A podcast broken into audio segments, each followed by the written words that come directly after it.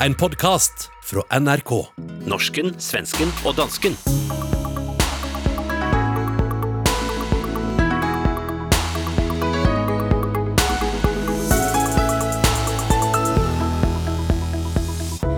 Svensk sosseadels førstekvinne Mona Salin har utgitt bok.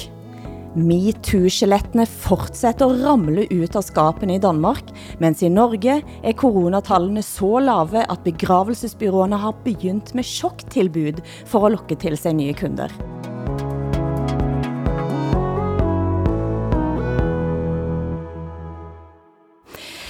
Velkommen til ukens panskandinaviske familieterapi i Stockholm, Åsa Linderborg i København, har som Preisler, og selv befinder jeg mig på litteraturfestivalen i Odda. Men hvordan står det til i Stockholm, Åsa? Eh, ja, jag sitter ju här och följer MeToo-utvecklingen i Danmark hela tiden. Jeg är uppdaterad nästan dygnet runt, så det är vad jag sysslar med. og i København, Hassan? Ja, altså, jamen, jeg sidder jo også her og, og følger MeToo-udviklingen i Danmark og bliver opdateret døgnet rundt. Så øh, jeg, jeg flugter med Åsa. Hur har du det i Odda då, Hilde? Är det något som händer där? Altså, Odda er jo byen som har fostret den mest kendte litterære MeToo-overgriperen, nemlig Fittetjuven. Hva? Han optræder i Frode Gryttens litteratur, blandt andet i romanen Bikubesong, og kendt for blandt andet dette citatet. Se på alle disse damene, sa han. Så mange damer, unge og gamle, vakre og stygge, slanke og feite, perfekte og skrukkete. Jeg ser på de kroppene og tænker at alt skal pulast. Absolut alt skal pulast. Og da jeg kørte ind over Sørfjorden, og vi nærmer oss eh, denne industristad litteraturens vugge, så slog det mig, hvad ville nå egentlig fittetjuven ha sagt om det som nu sker i Danmark? For det høres unægteligt ut som han har været på raid. Og du var jo i Danmark i forrige uke også, og var det nå et katastrofeområde du kom til, sådan så Hassan påstod i, ditt for, i det forrige programmet? Mm, Ja, nästan. Men jag måste säga, nu längtar jag ju också till Odda. Det är ju fantastiskt att vara på litteraturfestival där. Så nu längtar jag ju till, eh, inte bara till dig, Hilde, utan också till Odda. Eh, ja, Köpenhamn är ju rammet av MeToo. Men när jag var där så var det ju fortfarande, kan man säga, en, eh, en rörelse. Men nu har det ju blivit en revolution, så som det var i Sverige. Nu börjar ju namn eh, nämnas och huvuden rulla. Och då, är, då går det in i en helt ny fas faktiskt som är otroligt dramatiskt. Och, Men altså flere lyttere, det må jeg bare sige, flere lyttere har jo ventet i åndeløs spænding på, om du og Hassan endelig skulle møtes. Fortæl om det første møte. Øh, jamen, jeg, jeg sad jo og ventede på, at øh, Åsa ville ringe til mig, mens hun var i Danmark, men hun havde tydeligvis travlt med alt muligt andet. Øh, jag hade travelt med allt annat. Ja, så, så det lykkedes ikke for os at, at mødes. Nej. Så det blev, det blev rett og slett ikke noe 50 Shades of Grey moment. Nej, du behöver inte vara oroad, Hilde. Vi skulle aldrig mötas utan dig. Nej, altså det var det. Jeg satt, Men Hilde, Hilde Ja. ja. hvis nu vi havde mødtes, så kunne det jo være, at vi ikke ville fortælle om det i radioen. det poenget er at jeg, jeg sitter jo her livredd for at det skal komme et slags mytteri, at det pludselig opstår en ny podd på Vikenavisen som heter Øresundspodden eller noget sånt, uten mig. Men altså, sven, selv svenske medier har nu endelig opdaget, at MeToo har kommet til Danmark. Her er Drude Dallerup, professor emeritus med Stockholms Universitet i statsvidenskab, intervjuet på Nyhetsmorgen TV4. i 2017-2018, der hände næsten ingenting. Og der finns nu forskning, som har set på øh, medier, Danmark og Sverige då. Og i Danmark, så var det vældig lite, kom- øh, hjemført med Sverige, men det var også vældig mycket om, om heksjagt og folkdomstol. Og vældig mange kulturmænd øh, steg frem og sagde, heksjagt, heksjagt. Hur starkt är stödet för uppropen i Danmark den här gången då? när 322 politikere, kvindelige politikere, kom ud og berettede, var dem havde været ute for. Der var det pludselig vældig mange politikere, even den ældre, vældig kendte politiker Bertel Hårder, som har, er ældst i øh, Folketinget, som sagde, først havde sagt, at men det er jo bare kompliment, og kompliment, det giver jo ingenting, flirtation. han vände på øh, Johan Pudel och sa okej, okay, nu förstår jag. Det nogle någonting som jag inte har förstått efter 40 år i politik. Tack så mycket Drude, med oss direkt ifrån Köpenhamn om danska metoo som alltså är igång nu. I svenske medier så kan det høres så ut som dansk MeToo føles som om det var VM i skidåkning, og der Sverige endelig leder. Men altså Hassan, du har sagt at MeToo nå har højere smittetal end corona. Ja, og Hvad det, er sidste og, nyt? og det, vil, det vil jeg jo gerne øh, bekræfte i dag for jer, øh, Hilde og Åsa, men jeg kan simpelthen ikke finde smittetallene for corona nogen steder i de danske medier. Det er som om corona ikke øh, eksisterer i de her dage, øh, fordi MeToo har jo ramt os som en pandemi af helt usammenlignelig styrke, og det er jo, det er jo et chok, fordi vi, jamen altså, der var jo ikke nogen af os, der troede, at det nogensinde ville, ville ske i, i Danmark, øh, og slet ikke på den måde, det sker lige nu, ikke? hvor tingene udvikler sig time for time, mere og mere dramatisk, og hele tiden i retninger, man ikke havde forudset, eller endnu kunne gætte sig til. Ikke?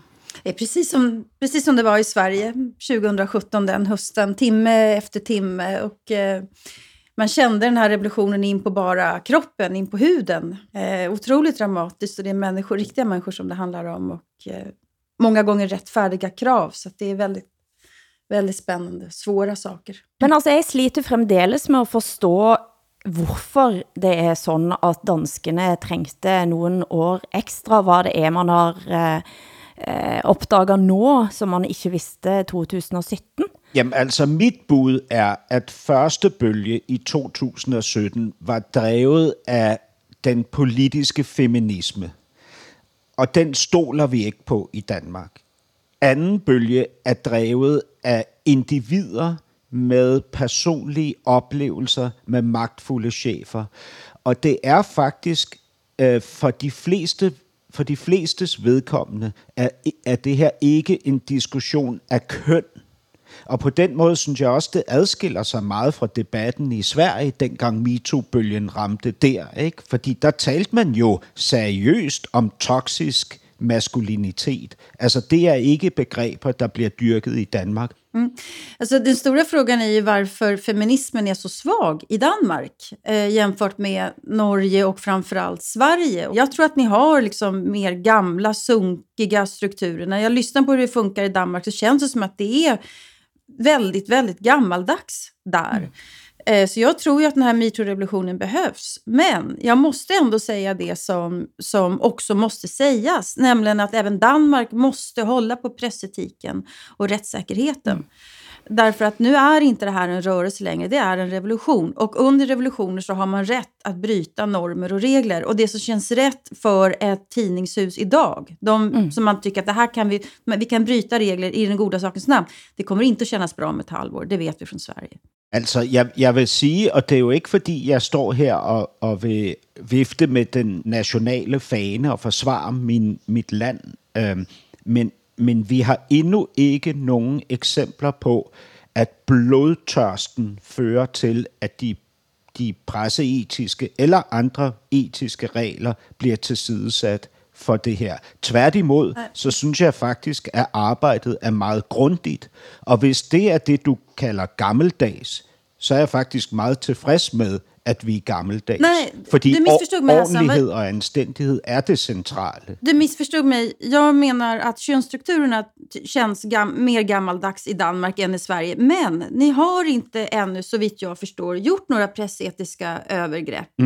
Eh, om man tar eh, Mårten Östergård som nu har fallit så var det en intern uppgörelse i partiet. Det är inte medierna som har... Det var radikale venstre, bare for at sige det sådan. Ja, precis. Det är alltså inte medierna som har, har kampanjat mot honom utan det var partiet själv som avsatte honom. Och här, jag tror ju att Danmark eh, kommer att klara det här bättre än vad Sverige har gjort. Och man kan ju också titta på det svenska facitet och se hur det blir när journalister blir aktivister. Att då blir det rätt så säkert och alla regler sätts ur spel. Eh, och här, jag tror ju mer om Danmark faktiskt. Jag tror att ni kommer att klara det här. Ja, det, det er jeg glad for, du siger, fordi det, altså, følelsesmæssigt, så er det jo eksplosivt, det her. Ikke? Og når nu de mm. radikales leder, Morten Østergaard, kan fælles ikke af, men på baggrund af, at han har lagt sin hånd på et andet radikalt medlems lår, ikke? så tænker vi jo alle... For 10 år siden. For 10 år siden, så tænker vi jo alle, mm. det kan også ramme mig. Ikke? Derfor er jeg sikker på, at jeg ikke er den eneste danske mand, der ligger søvnløs i de her dage og, og gennemgår sin historie med en tætte kamp. Eh, det är klart att ni är rädda, men ni pratar om det i Danmark på ett helt annat sätt. Jag har blivit intervjuad av flera tidningar nu och jag inser ju det, att man letar efter problematisering på ett sätt som man inte gjorde i Sverige. Mm. Så eh, det kanske gör att eh, ni håller huvudet lite kallare. Apropos landskamp. Svenske lyttere har klaget det er ikke bare norske Tybring-Gjedde som nominerte Donald Trump til Nobel fredspris. Magnus Jakobsen, KD-rebellen, har også nomineret Trump, og vet du, har han også blitt ringt op også? Nej. Jo, han har det. Han fik telefon fra Donald Trump. Alltså, ja, jo, men det visste jag ju. Det var den där dagen när Donald Trump inte låg i, i syrgas. Eh, Nej, altså, Jakobsson er jo en interessant type. Han er for en generøs flyktingpolitik, men pro-Trump. Mm. For i Norge er Jakobsson mest kendt for at anklage Erna Solberg for at holde svenske grænsen stängt for at spare penger. Her er kort klipp fra Norske Nyhetsmorgen när jag lyssnar på företag, när, när jag pratar med folk längs med gränsen så är det en väldigt vanlig förekommande svensk uppfattning att detta handlar inte längre om sjukdom utan nu handlar det om norsk eh, skattepolitik. Her mener han altså at man stänger gränsen för att Norge vill ha pengarna själv. Eh... Det håller jag med om. Jag tycker också ni ska öppna gränserna. Vad fan håller ni på med där borta i Norge? Men det är mer eh, KD-nytt. Partileder Ebba Busch har været på full, fylla med influencer. Har du fått med dig det också? Ja, absolut. Hon har varit på en av sina kompisars 40-årsfester och eh, hon, eh, eh, Ebba Busch, Kristdemokraternas ledare, alltså, hon tycker om att festa nu. Hon är nyskild och hon tycker om att vara ute i svängen och hon vet också att det är så man vinner väldigt många unga väljare. Eh, och sen så var det jättemycket corona där och sen så lyckades hon dessutom med säkerhetspolisens bil tror jag skjutsa hem någon. Men jag tyckte... Den brukte det som Uber rätt och slett. Ja, men jag tyckte inte det var så farligt faktiskt. Men altså, i Norge ville det cirka tilsvart at KRF-leder Kjell Ingolf Ropstad var på byen med Sofie Elise. Men eh, hvem er den kjent, mest kjente kristenpolitikeren i Danmark, og hvilken influencer burde vedkommende ha været på fest med, Hassan? Hvem er den kristne konservative influencer, som som... Nej, den, den mest kendte kristenpolitiker, hvem skulle vedkommende have været på fest med? Ja, øh, øh, øh, Marie Høg på, Marie Høg på fest med Hassan Preisler, kanskje? Ja, men jeg har da været til fest på Bornholm til folkemøde med Marie Høg, som er Ja, hun er jo en kristen konservativ præst, øh, men, men hun er sådan set øh, altså rigtig, rigtig øh, sjov. Øh, hvad hedder det? Rolig. Rolig at, øh, at holde fest med. Forrige uke så snakker vi om partiet Centrum, som blev lanceret i Norge. Det viste sig, at samme dag som vi snakker, så blev hele centrumsdiskussionen kuppet av at Arbeiderpartipolitiker Jan Bøhler hopper fra AP til Centerpartiet. Og på første plads har vi Mr. Groruddalen, Jan Bøhler. Eh, han er opptatt av at by og land skal gå hand i hand. Og vi i komiteen har lært Jan å kjenne som en ekte senterpartist, en som er opptatt av å være nær folk. Med hans erfaring, og fordi han eh, fra nå av er stortingsrepresentant eh, for Senterpartiet i Oslo, så er han en naturlig førstekandidat eh, for lista vår. Og vi er veldig glad for å ha med på laget. Og jeg kan si at det gikk et gys gjennom det politiske Norge, som man altså havde fått sig en ny folkefiende. Og her er et citat fra Steiner Saghaug, tidligere AP-byråd. Jan Bøhler er den største svikeren jeg har oplevet i politikken gennem mer end 50 års medlemskap i Arbeiderpartiet, fordi han altså hoppede over til Centerpartiet. Men dette er, no- dette er Norge i dag, og dette Arbeiderpartiet som bøler hopper fra han, det ligger nå nede på et historisk eh, lavnivå på målinger, og man spekulerer til og med om Centerpartiet kan komme til at få statsminister. Nej, men jag tänker Centerpartiet, det norska Centerpartiet är, är intressant för vi har ingenting liknande i Sverige. I Sverige så är ju Centerpartiet också ett bondeparti från början, men det är ett nyliberalt parti i Sverige. Medan Centerpartiet i Norge har ju en konsekvent eh, linje vad gäller decentralisering och de är mot EU på ett mer intelligent sätt skulle jag säga än många EU-kritiker är. Och visst finns det starka folkliga stråk i Centerpartiet börjar få, det skulle jag nog ändå säga. Jag tycker att det är ett jätteintressant parti, men mitt fokus ligger ju på Arbeiderpartiet som jag tycker är så, så otroligt intressant. Jag såg Jonas Gahr Störe bli intervjuad av någon, en programledare som, eh, som sa till Jonas Gahr Støre, men nu när du säger det här, är inte det bara bla bla bla bla, sa han. Det var oerhört respektlöst att säga någonting sånt. Och jag tänker, är det så att Jonas Gahr Støre är inne i ett, ett mod där han faktiskt börjar bli mobbad av, Mm. av, svensk, eller av norska journalister, så då, då, det, då ligger de ju illa till verkligen. Men jag har aldrig sett något liknande en svensk journalist göra faktiskt. Nu har Socialdemokratiets første kvinde gennem flere tiår, Mona Salin, kommet med bok, og det må vi snakke om. Her er et klipp fra lanseringsintervju på Nyhetsmorgen på TV4.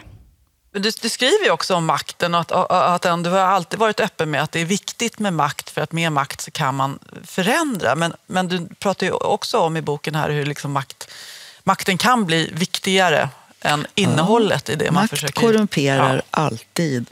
Ehm, också har gjort med mig. Att eh, man vill ha kvar makten, man vill sola sig i makten. Man, man njuter av uppmärksamheten, man njuter av att vara i centrum i ett rum så fort man träder in i det. Men det kan också vara så att till slut så glömmer man varför man har makten. Att innehållet i makten försvinner bort och det är strålglansen som alla söker efter. Och det är klart att bo i den bubblan som politiken och offentligheten är i många år gör något med en människa och också har gjort med mig. Her indrømte hun altså at makt korrumperer, og, og så kan du bare hjælpe os at forklare henne for eh, norska norske og danske lyttere. Ja, väldigt snabbt. Hon, Mona Sahlin är en av Sveriges mest kända politiker. Hon kom in i riksdagen 1982 och då var hon bara 25 år gammal.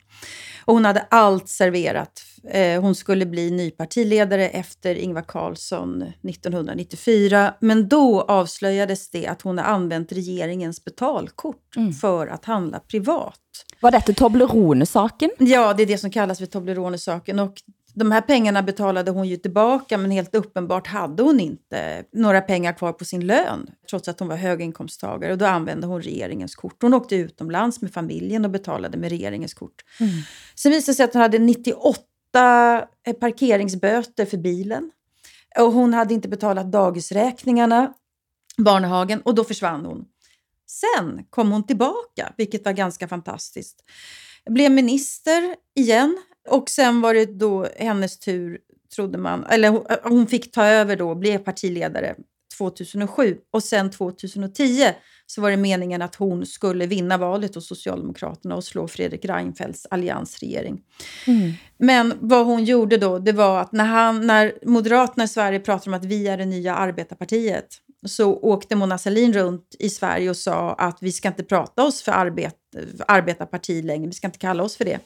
Och hon var väldigt liksom, yf- nyfiken och intresserad av de här uh, identitetspolitiska frågorna, eh, de homosexuellas rättigheter och kvinnors rättigheter. Hun, hun malte i regnbueflagget og skulle erstatte... Ja, precis. Och hon har varit väldigt viktig där i den kampen. Hon var väldigt, väldigt bra saker har hon gjort. Men hon var osams med fackföreningsrörelsen. Det blev hon redan på 90-talet. Och har man inte fackföreningsrörelsen med sig så klarar man sig inte. Sen försvann hon igen. Hon förlorade valet, försvann. Sen var hon borta länge och sen kom hon tillbaka och blev samordnare mot extremism för regeringen.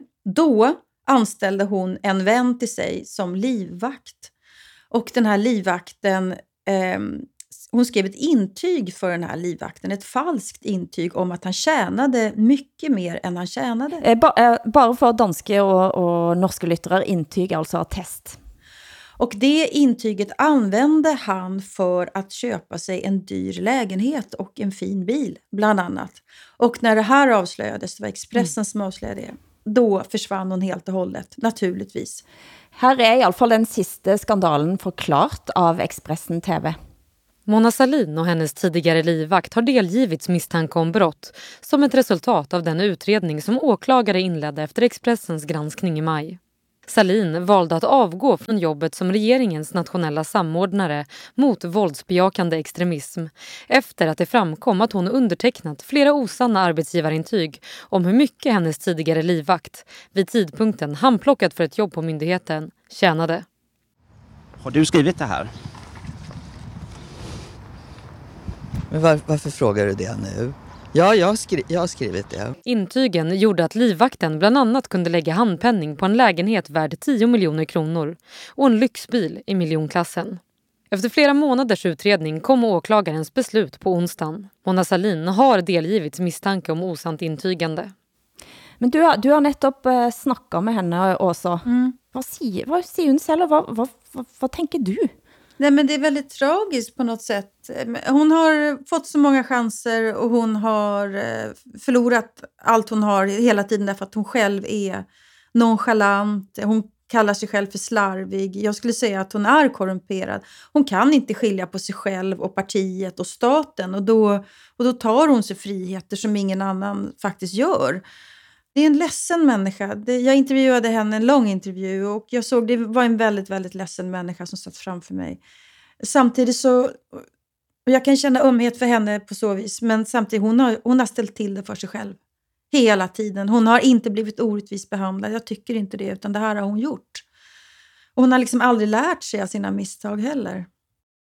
Din eh, kollega i Aftonbladet skrev, uh, han kalder henne også en sosseadel, og mener at det hun utsättes for minne om palmehat. Hvad tænker du om det? Nej, det tycker jag är väldigt, väldigt överdrivet. Olof Palme han var hatad för sin politik. Att han var så, förde en sån röd politik och kom från överklassen medan Mona Salin eh, föraktar man skulle säga därför att hon, för att hon skiter i de regler som alla andra måste anpassa sig till. Alla måste betala sina räkningar och hon har, och hon har liksom inte gjort det. Och så skyller hon på att hon är slarvig. Det kan ingen annan av oss göra. Men allikevel så är hon fremdeles ett navn i Sverige. Då. Det syns jag är fascinerande. Det är hon för att hon har någon hade ett tag en folklighet på sätt och vis. Att hon, hon lyssnar på Bruce Springsteen, som Hassan, du kan den sortens politiker. Hon eh, gick i jeans och, och sådär försökte vara, låtsas vara en helt vanlig människa, men helt uppenbart var hon ju inte det. Du hører norsken, svensken og dansken. Programmet blir sendt i Danmarks Radio, Sveriges Radio og Norsk Rikskringkasting.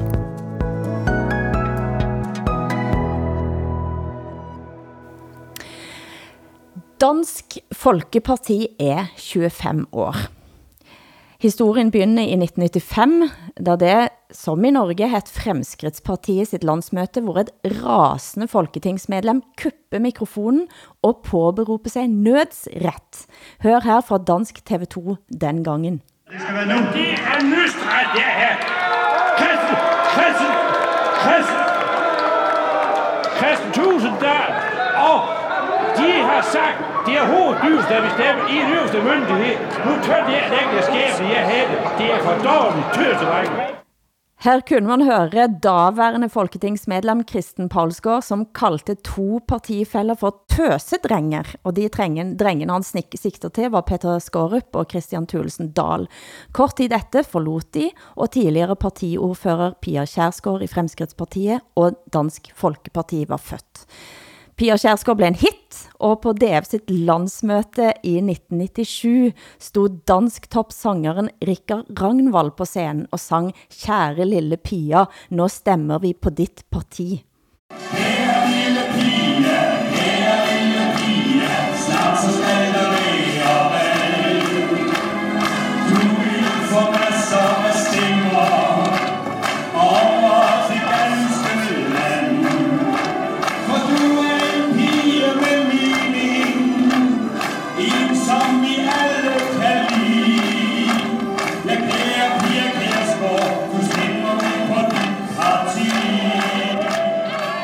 Så nu vil du få masser af stemmer over det ganske land, for du er en pike med mening, en som vi alle kan li. Ja, kære Pia, Pia, Pia Kjærsgaard, nu stemmer vi på dit parti. Eh, fortæl om Pia Kjærsgaard på den tida, Hassan. Hvad var det, som traf folk? Altså, det, det, er jo, øh, det er jo et lidt romantiseret billede, du tegner, fordi på det tidspunkt her for 25 år siden, der var det bestemt ikke sjovt at være dansk folkepartist og begive sig rundt i landet. Altså, den her øh, partiledelse, som var lynhurtigt blev meget kendt i medierne, var absolut ikke populær i alle miljøer.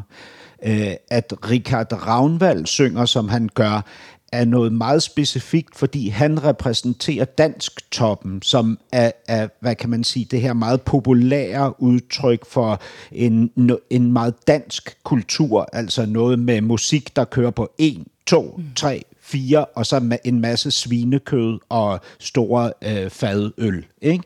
Og de, de mennesker var jo øh, super glade. Nu, nu skærer jeg dem over en kamp, men de var jo super glade for at få en form for repræsentation i det parlamentariske liv, fordi det havde de ikke haft i meget, meget lang tid. Altså mennesker, der tilhørte den her type dansk kultur, var ekstremt marginaliseret for 25 mm. år siden. Ingen tvivl om det.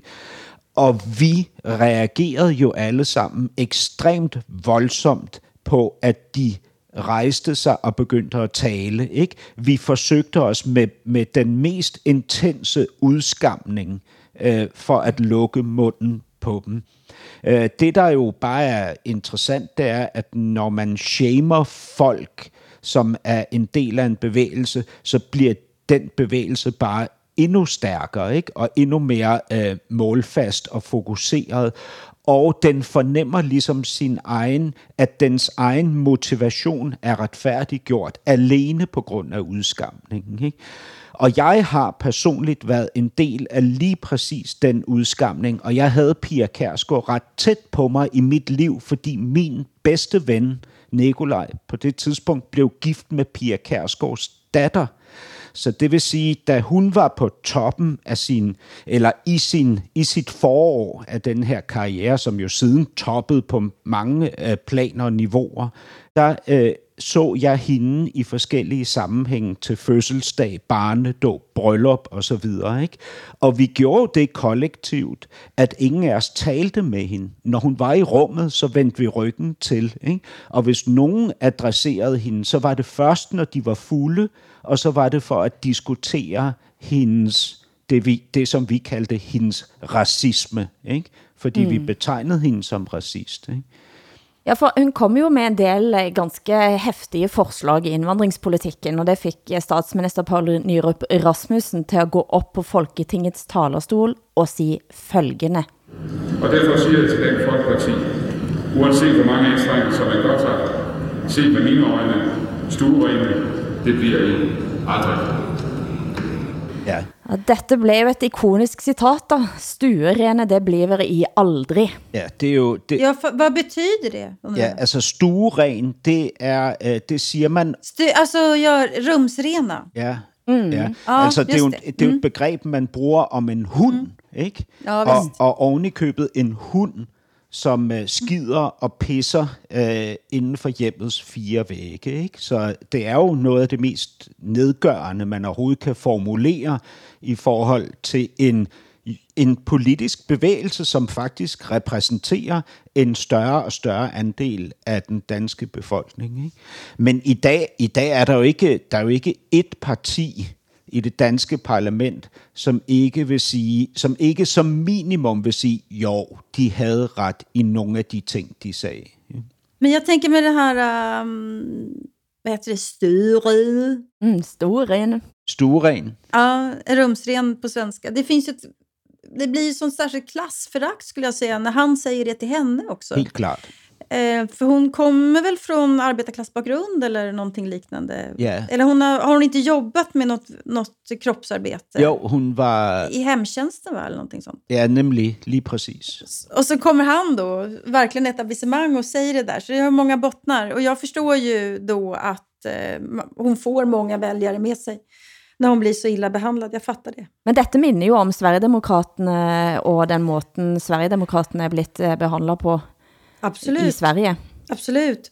När de kallar sig för anti-etablissemang, nu börjar de själva bli en del av etablissemanget Mm. faktiskt, fakt- men när de kallar sig för anti-etablissemang så, så har de ju rätt i det eftersom etablissemanget har behandlat dem på ett Mm. särskilt sätt. Jag ingår ju i dem som har behandlat Sverigedemokraterna så, fortfarande gör delvis.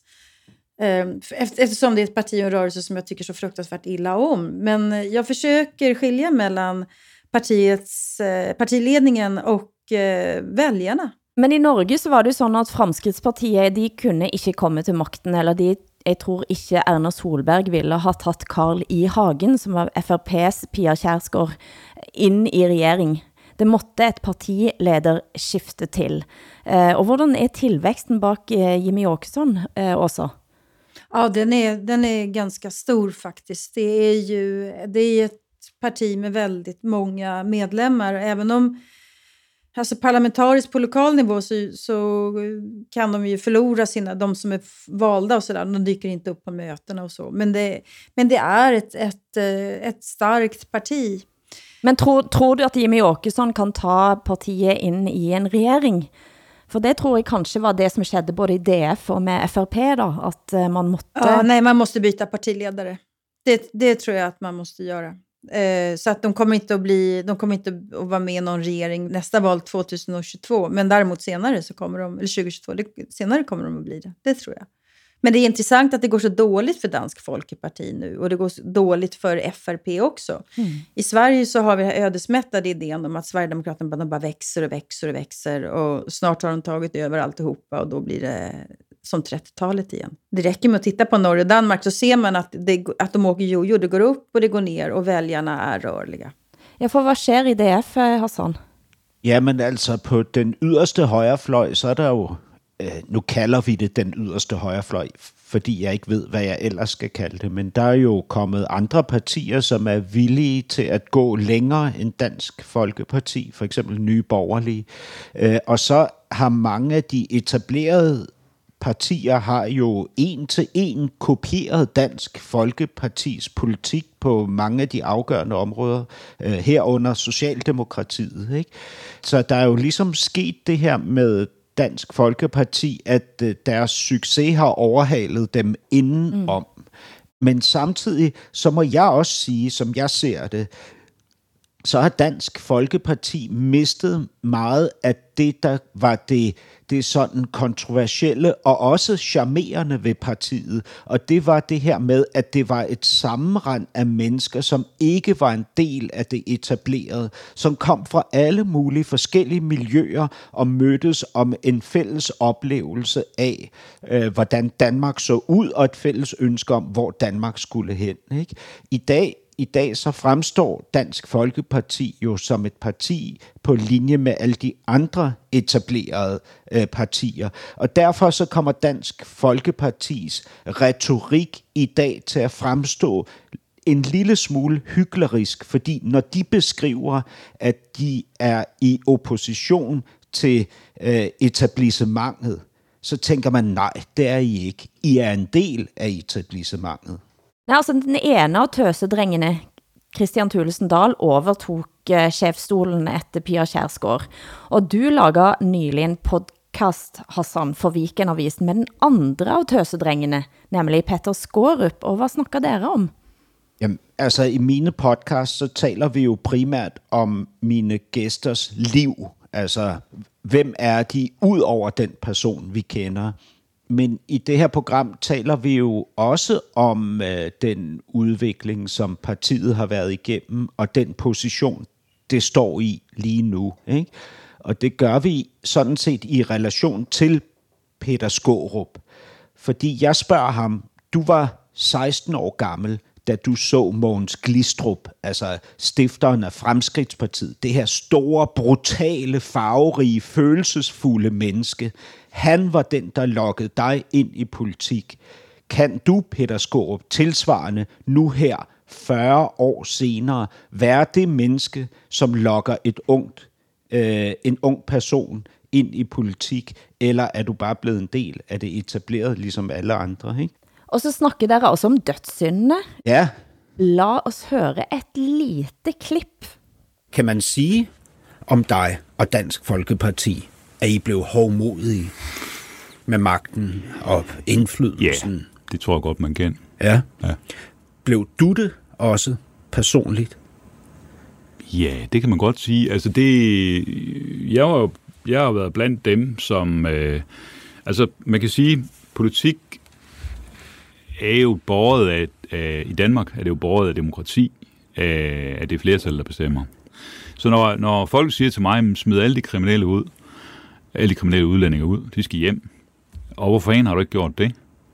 Så er mit svar, jamen, jamen det vil jeg da også gerne. Men det er jo et, det er jo et ringe eksempel på, hov, på din hovmod. Jo, fordi, fordi min hovmod der består jo i, at jeg er så overlegen eller hovmodig, at jeg tænker, det kan, det kan borgeren da godt forstå, at jeg ikke alene mand kan smide alle kriminelle udlændinge hjem. Ja, men, altså, det er jo en frygtelig undvigelsesmanøvre, han laver her. Ikke? Øh, det er næsten ærgerligt, at vi ikke kan høre hele programmet, fordi det er faktisk ret interessant, hvordan han ligesom forsøger at bevæge sig ind og ud af at påtage sig ansvaret for den her, det her hovmod. Ikke? Men der er jo ikke nogen tvivl om, at øh, Dansk Folkeparti, ud over at blive en del af det etablerede, også fik storhedsvandvid.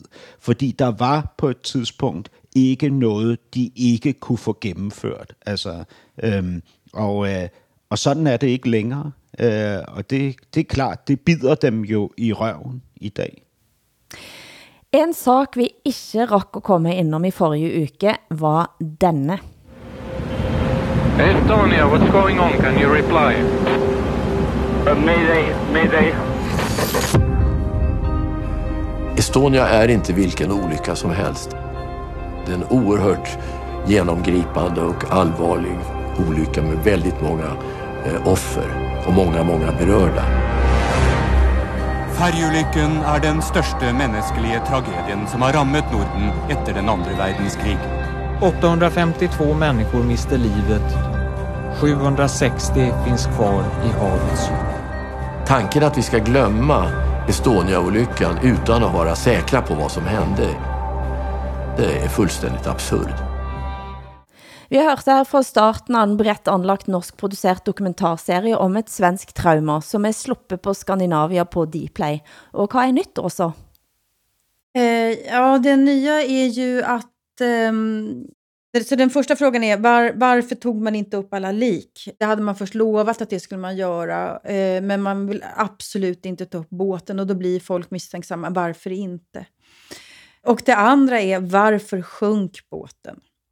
Och då har man sagt hela tiden att det var det här bogvisiret. Det var ett ord som ingen av oss visste någonting, aldrig hört talas om förut. Men alltså fören på båten, att det slets av och att båten sjönk. Ja, den sjönk fort. Den sjönk på bara, alltså oerhört, på, ett, på en halvtimme så hade hela båten sjunkit. Och på bara några minuter så hade den slagit åt, åt styrbord. Och då finns det vittnen som haverikommissionen inte har, tagit, inte har lyssnat på som säger att det kom vatten längs med ena väggen. Fanns det med andra ord ett hål? Och då har myndigheterna sagt nej, det fanns inget hål.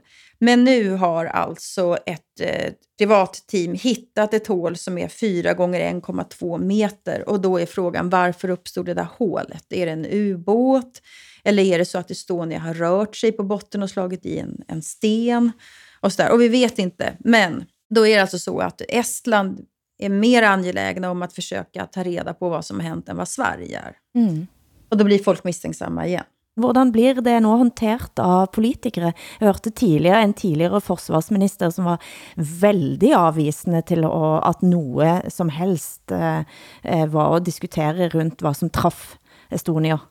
Ja, alltså svenska Socialdemokraterna var ju de som, som beslutade att man inte skulle ta upp båten och att man... Att Det var man Ingvar Carlsson, sant? Ja, det var eh, precis det var Ingvar Carlsson. Att man skulle också täcka hela båten med cement var ju en idé. Mm.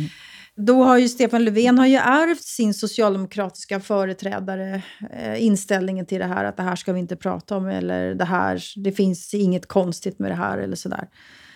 Och det är ju sånt här som gör då att eh, folk blir väldigt misstänksamma. Och Sverigedemokraterna slår ju mynt av det här och säger att eh, nu måste vi ta reda på, på sanningen kring det här. Och det är klart man måste göra. Någon gång måste man ju ta reda på varför det där... Det fanns faktiskt ett hål. Och hur har det uppstått?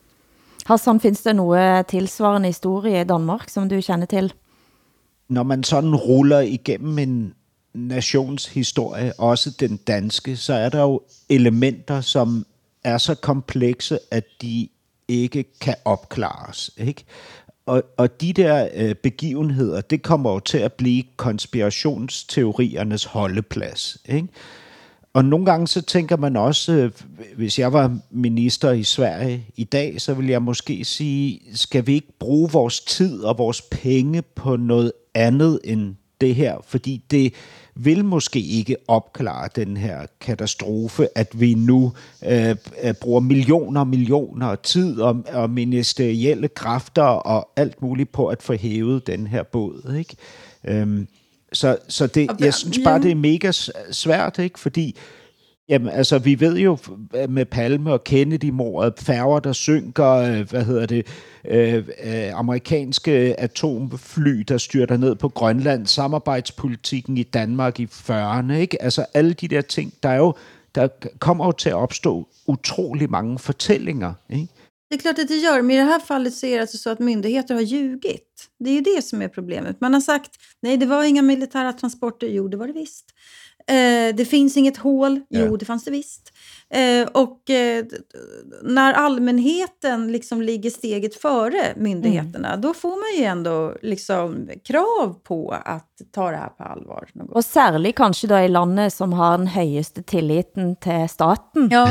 eh, kanske inte politiker, men Nej, staten i, i världen. Du hører norsken, svensken og dansken i SR DR og NRK. Vi nærmer oss slutten av programmet, men vi har ennå ikke snakket om corona, og sådan kan vi ikke ha det. Hvordan står det til eh, i Sverige også? Nej, vi, eh, dödstalen skjuter i fart igen. Mm. Väldigt många unga människor mellan 17 och 29 år tror jag som eh, är smittade. Och det kom en rapport häromdagen om att man ser i avloppsvattnet eh, ökad smittspridning. Den, den rapporten ifrågasätter Tegnell då, men eh, det är ju så att eh, siffrorna går åt fel håll. I Danmark da? Jamen, øh, vi har ikke nogen eksplosion i dødstal eller indlæggelser, og det stigende smittetal, vi så her vi har set inden for de sidste par uger, er ikke kun stagneret, det er faktisk for nedadgående for tiden. Så det virker som om, at den her alarm, som myndighederne var ude at råbe, har haft en effekt herhjemme. Øhm, samtidig så har vores, øh, vores øh, Anders Tegnell, øh, Søren Brostrøm, har været fremme i medierne, fordi det er sådan, at øh, myndighederne i Danmark er begyndt at bekymre sig for dem, som vi kalder corona-tvivlerne. Altså alle dem, som enten forestiller sig, at corona slet ikke er så slem, som den er beskrevet, eller dem... Trump, for eksempel? Ja, eller dem, som tænker, at uh, der slet ikke findes nogen coronavirus, at det hele er opfundet fra myndighedernes side. Altså, de findes jo i mange nuancer. Det var jo et nydeligt klip fra Tæt på Sandheden for nogle uger siden, da de intervjuer coronatvillere coronavirusen, er den farlig eller er den ikke farlig? Den er ikke farlig. Den er ikke farlig. Nej, Fint. der er ikke nogen epidemi. Okay. Coronavirus har vi haft i os hver 6. måned hele vores liv. Ja, det, er jo, det er jo en anden type. Ja, det siger de. Ja, det siger de. Det, der foregår nu, det er en biologisk krigsførelse. M- mod hvem? Mod os? Mod, ja. Fra hvem? Hvem gør det? Det er verdensmagten. Hvor er du på 9-11? Inside eller outside job? Er det de to muligheder, du kan forestille dig? Og Søren Brostrøm tager det så på sine skuldre og siger, at myndighederne måske har svigtet ved at øh, være for meget myndighed og for lidt personlighed. Ikke? Og det var også sådan, Søren Brostrøm øh, reageret for nogle år siden, da myndighederne skulle introducere HP, HPC, HPV-vaccinen til de unge øh, danske kvinder. Så, øh, så jeg, jeg tror, strategien fra Søren Brostrøm vil være, at han skal være mere personlig nu i fortællingen om, hvad det er, vi skal gøre om mindre myndighed. Og hvis han virkelig mener det, øh, jamen så vil jeg gerne her i dette program invitere ham tilbage til det næste kapitel, sådan så vi kan optage anden time af det program, som han i sin tid ikke ønskede at fuldføre. Så Søren Brostrøm, du er velkommen tilbage til det næste kapitel, hvis du gerne vil fortælle din personlige historie om dig selv. Erna Solberg har da på sin side sagt, at vi skal fremdeles få lov til at ha julebord. Eh, det julefrokostene til Danmark eh, stod jo eh, i fare, og står kanskje fremdeles i fare, men det vakte opsigt i utlandet i vår, da norske begravelsesbyråer ropte på coronapenger, fordi det døde så få. Men nu har et gravfærdsbyrå taget spaden i egne, egen hånd og tilbyr gratis gravfærd til de 20 første, som dør før denne helgen. Hør klipp fra NRK Ukeslutt. Å reklamere for gravferdstjenester er ikke hverdagskost, og det var nok flere som satt kaffen i halsen da de kom til en helsides annonse i avisa Glåmdalen forrige uke. Åpningstilbud gratis gravferd. Åpningstilbudet gjelder fra frem til og med 11. oktober. Se vår hjemmeside for betingelser. De 20 første som står klare til å sette spikeren i kista, får altså en gratis begravelse. Leserinnleggsskribenten Sunde skriver videre. Min kommentar. Hvor går egentlig grensen for aggressiv annonsering? Jeg håper inderlig ikke å få bruk tilbudet. Sangen vi hørte her var Ompa til du dør. Eh, Dette var et begravelsesbyrå som eh, var... Men det där var inte ett skämt, det var inte ett joke, utan det där var på riktigt. Det var på riktigt. Oj, det är makabert faktisk. Jo, men, men man skal jo annoncere, som man vil. Øh, Problemet er jo, at det kun er et tilbud, som gælder de første 20, som henvender sig. Ikke? Og det, vil jo, det kan jo så medføre, at man står der med et ældre menneske, som måske er ved at dø, dø som man, man så vil føle sig måske motiveret til at hjælpe på vej for at få det her gode tilbud, måske. Jeg håber at eh, vi slipper dette scenariet på næste, i næste program, for, men vi skal holde os i det hensidige, for Kasper Christensen, kendt komiker for tv-serien Klovn, har altså kommet ud av skapet. Og hvilket skap er den har kommet ud av, eh, Hassan? Altså, nu har jeg ikke læst bogen endnu, men det er... Ni måste nog förklara för oss svenska lyssnare, vem är, vem är Kasper Ja, men kan- kan- Vem är Eh, Men du kan forklare han, Hassan. Kasper Christensen er Danmarks, øh, altså øh, det, det nutidige Danmarks største komiker. Han var med til at grundlægge stand-up-scenen i, øh, i Danmark, okay. og så har han været et, øh, altså et af de største navne på tv gennem flere årtier. Øh, han er sådan nogenlunde på min alder, altså lige omkring 50-50 år gammel, og har øh, flere ægteskaber bag sig og mange, en del børn også. Øhm, og så har han jo levet sådan et, hvad kan man sige, meget dekadent liv. Han har tjent mange penge, han har et kæmpestort hus, han har en ung smuk kone, han har taget for sig af alkohol og stoffer og har levet øhm, meget udadvendt og aktivt, og har, har så gennemgået angiveligt ifølge den her bog, som udkommer nu, skrevet af Martin Kongstad, en transformation. Altså, han er ikke kun blevet kristen, han er også blevet mildere, bedre, sødere, altså et, øh, et, et godt menneske, som han ikke var tidligere.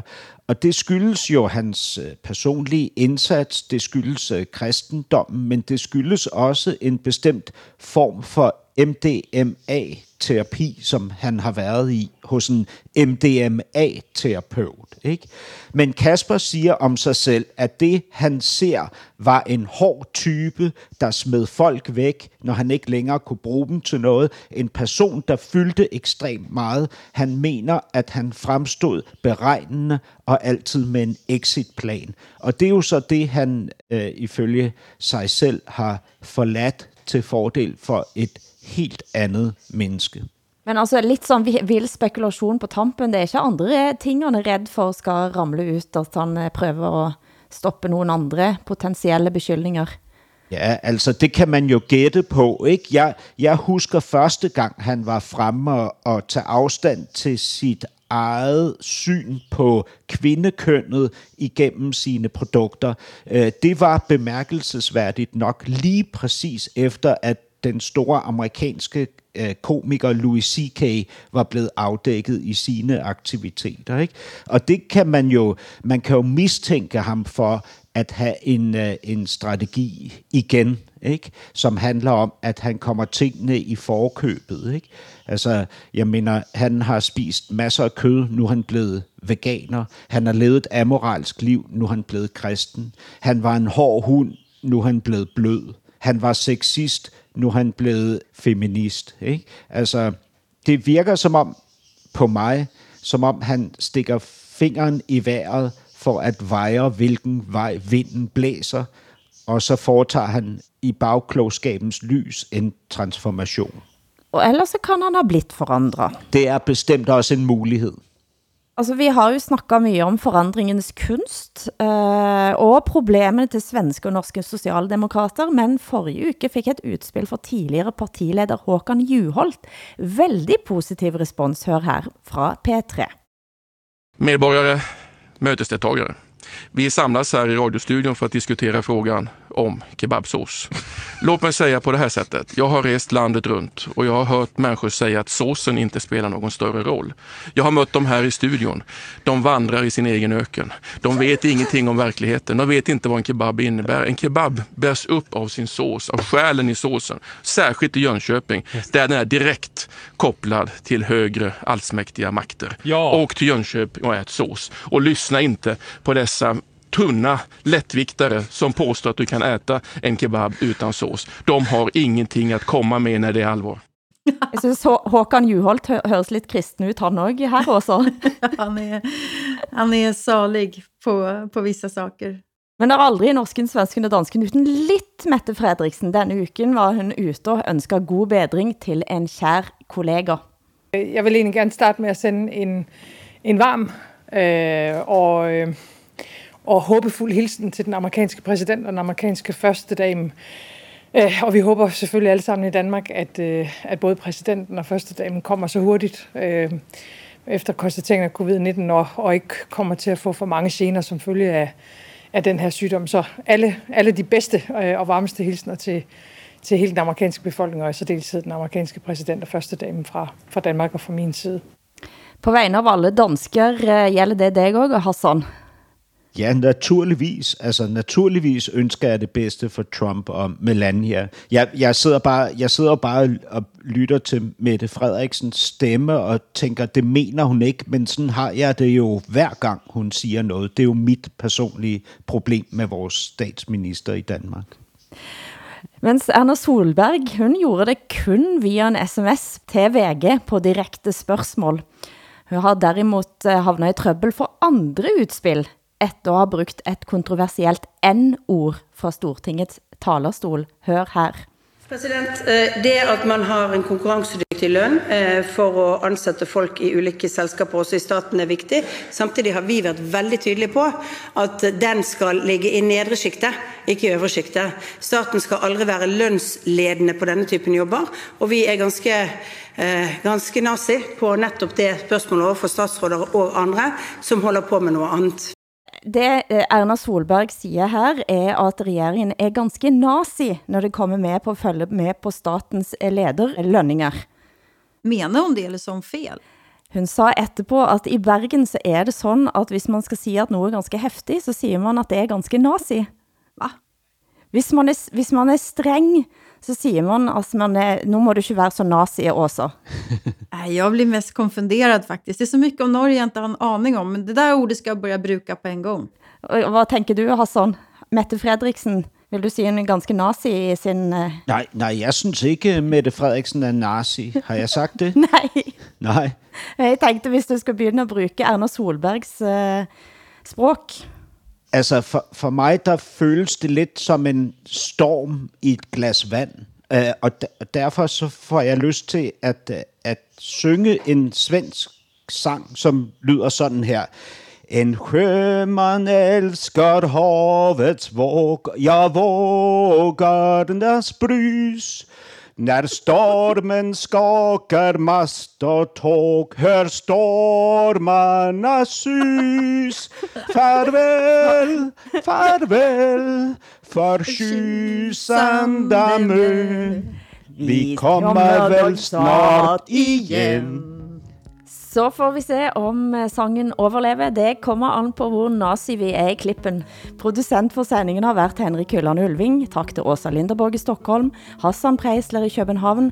Jeg heter Hilde Sandvik i Odda, og vi høres igen om en uke.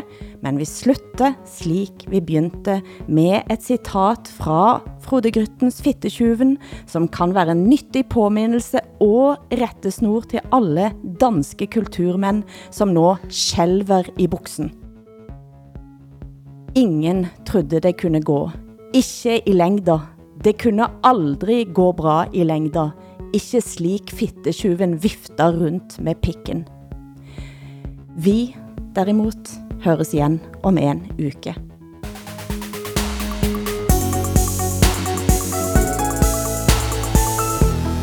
Du har hørt en podcast fra NRK. Du kan nå høre alle episoderne i denne serien i appen NRK Radio.